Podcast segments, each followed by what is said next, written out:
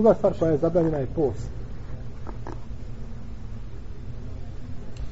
Nema razilaženja, znači među lemom da žena koja je u mjesecu da ne može postiti, da mora na postu nakon toga. I spomenuli smo preto na Adis Ajše radijala pa na kad je pitala ona žena, zašto? Zašto?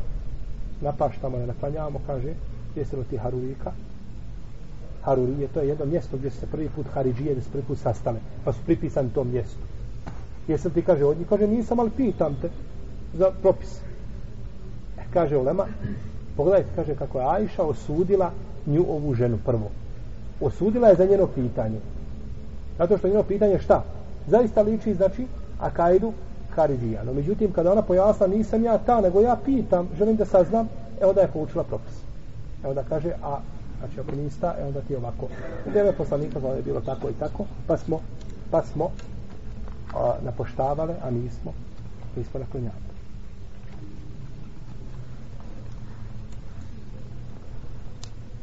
Isto tako ulema koja kaže, braću, da je obavezna žena da klanja prvo, prvi namaz, kad se očisti u drugom, šta mislimo prvi?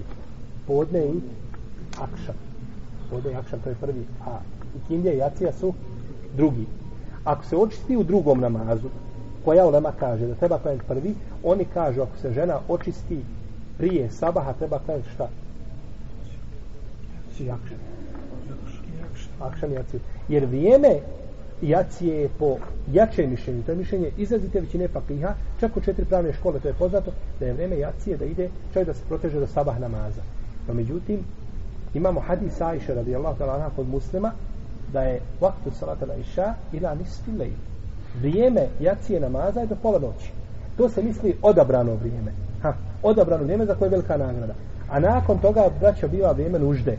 Znači, biva vrijeme nužde. Ako je u nuždi čovjek nije mogao stići nikako, nije mogao ići kao ove godine, na primjer, ko je bio na hađu, ljudi trebaju da klanjaju šta? Akšan jaciju na muzdelipi, je tako? Da spoje tu. U kom vremenu? U Jacijskom. Ima ljudi ove godine koji nisu mogli do zore doći na na muzdelu. A ima ljudi koji došli u akšamsko vrijeme. Neki u akšamsko vrijeme, neki nisu mogli do zore doći. E, ti koji ne mogu, on je išao, put ide, znači autobus ide, uvijek kreće se, ne može stati. Ima čovjek nekakvu nuždu ili opravdanje, ili prolazi kroz teritorije gdje je nesigurno stati, nije sigurno stati negdje u, u, u ovaj, nekim predjelima, znači, koji nisu pod kontrolom, znači, uh, muslimana, da čovjek stane tu i da klanja, znači što su već ljudi pokazali svojim dijelima ovaj, da zlostave muslimane i da je to nesigurno, i čovjek ide, neugodno je da stane on sa familijom, kažemo, vozi dalje u šalkana kad dođeš na prvu tačku prije sama gdje dođeš klanjaj, šta? To je znači vrijeme nužde, ali odabrano je vrijeme dok je do, do pola noći. Ako žena prije sabaha očisti se. Znači prestane je ciklus. I nakon toga dok se okupa već je nastupilo sabarsko vrijeme.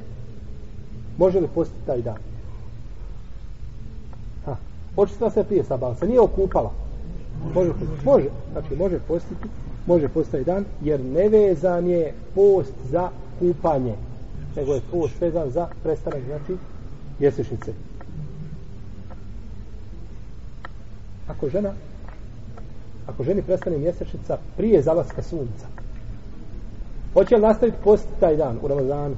Ha? hoće. Nastavit će znači post taj dan. To je jedno mišljenje ali ispravnije mišljenje da neće. Ispravnije mišljenje da neće zato što ona nije i onako taj dan šta? Nije zanijetila, nije postila jer je šrijet obavezao da posti taj dan je li nije nije nju, nju pona osob nije obavezao, zato što ona ima uzor šarijetski da nije postala. I kako bi dalje njeno suzdržavanje od jela i pića i onoga što kvari post imalo korist?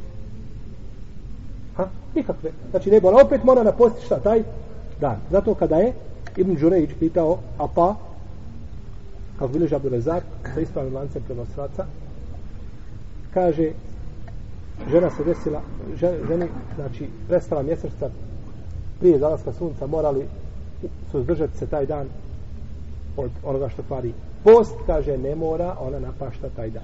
Ona napašta svakako taj dan.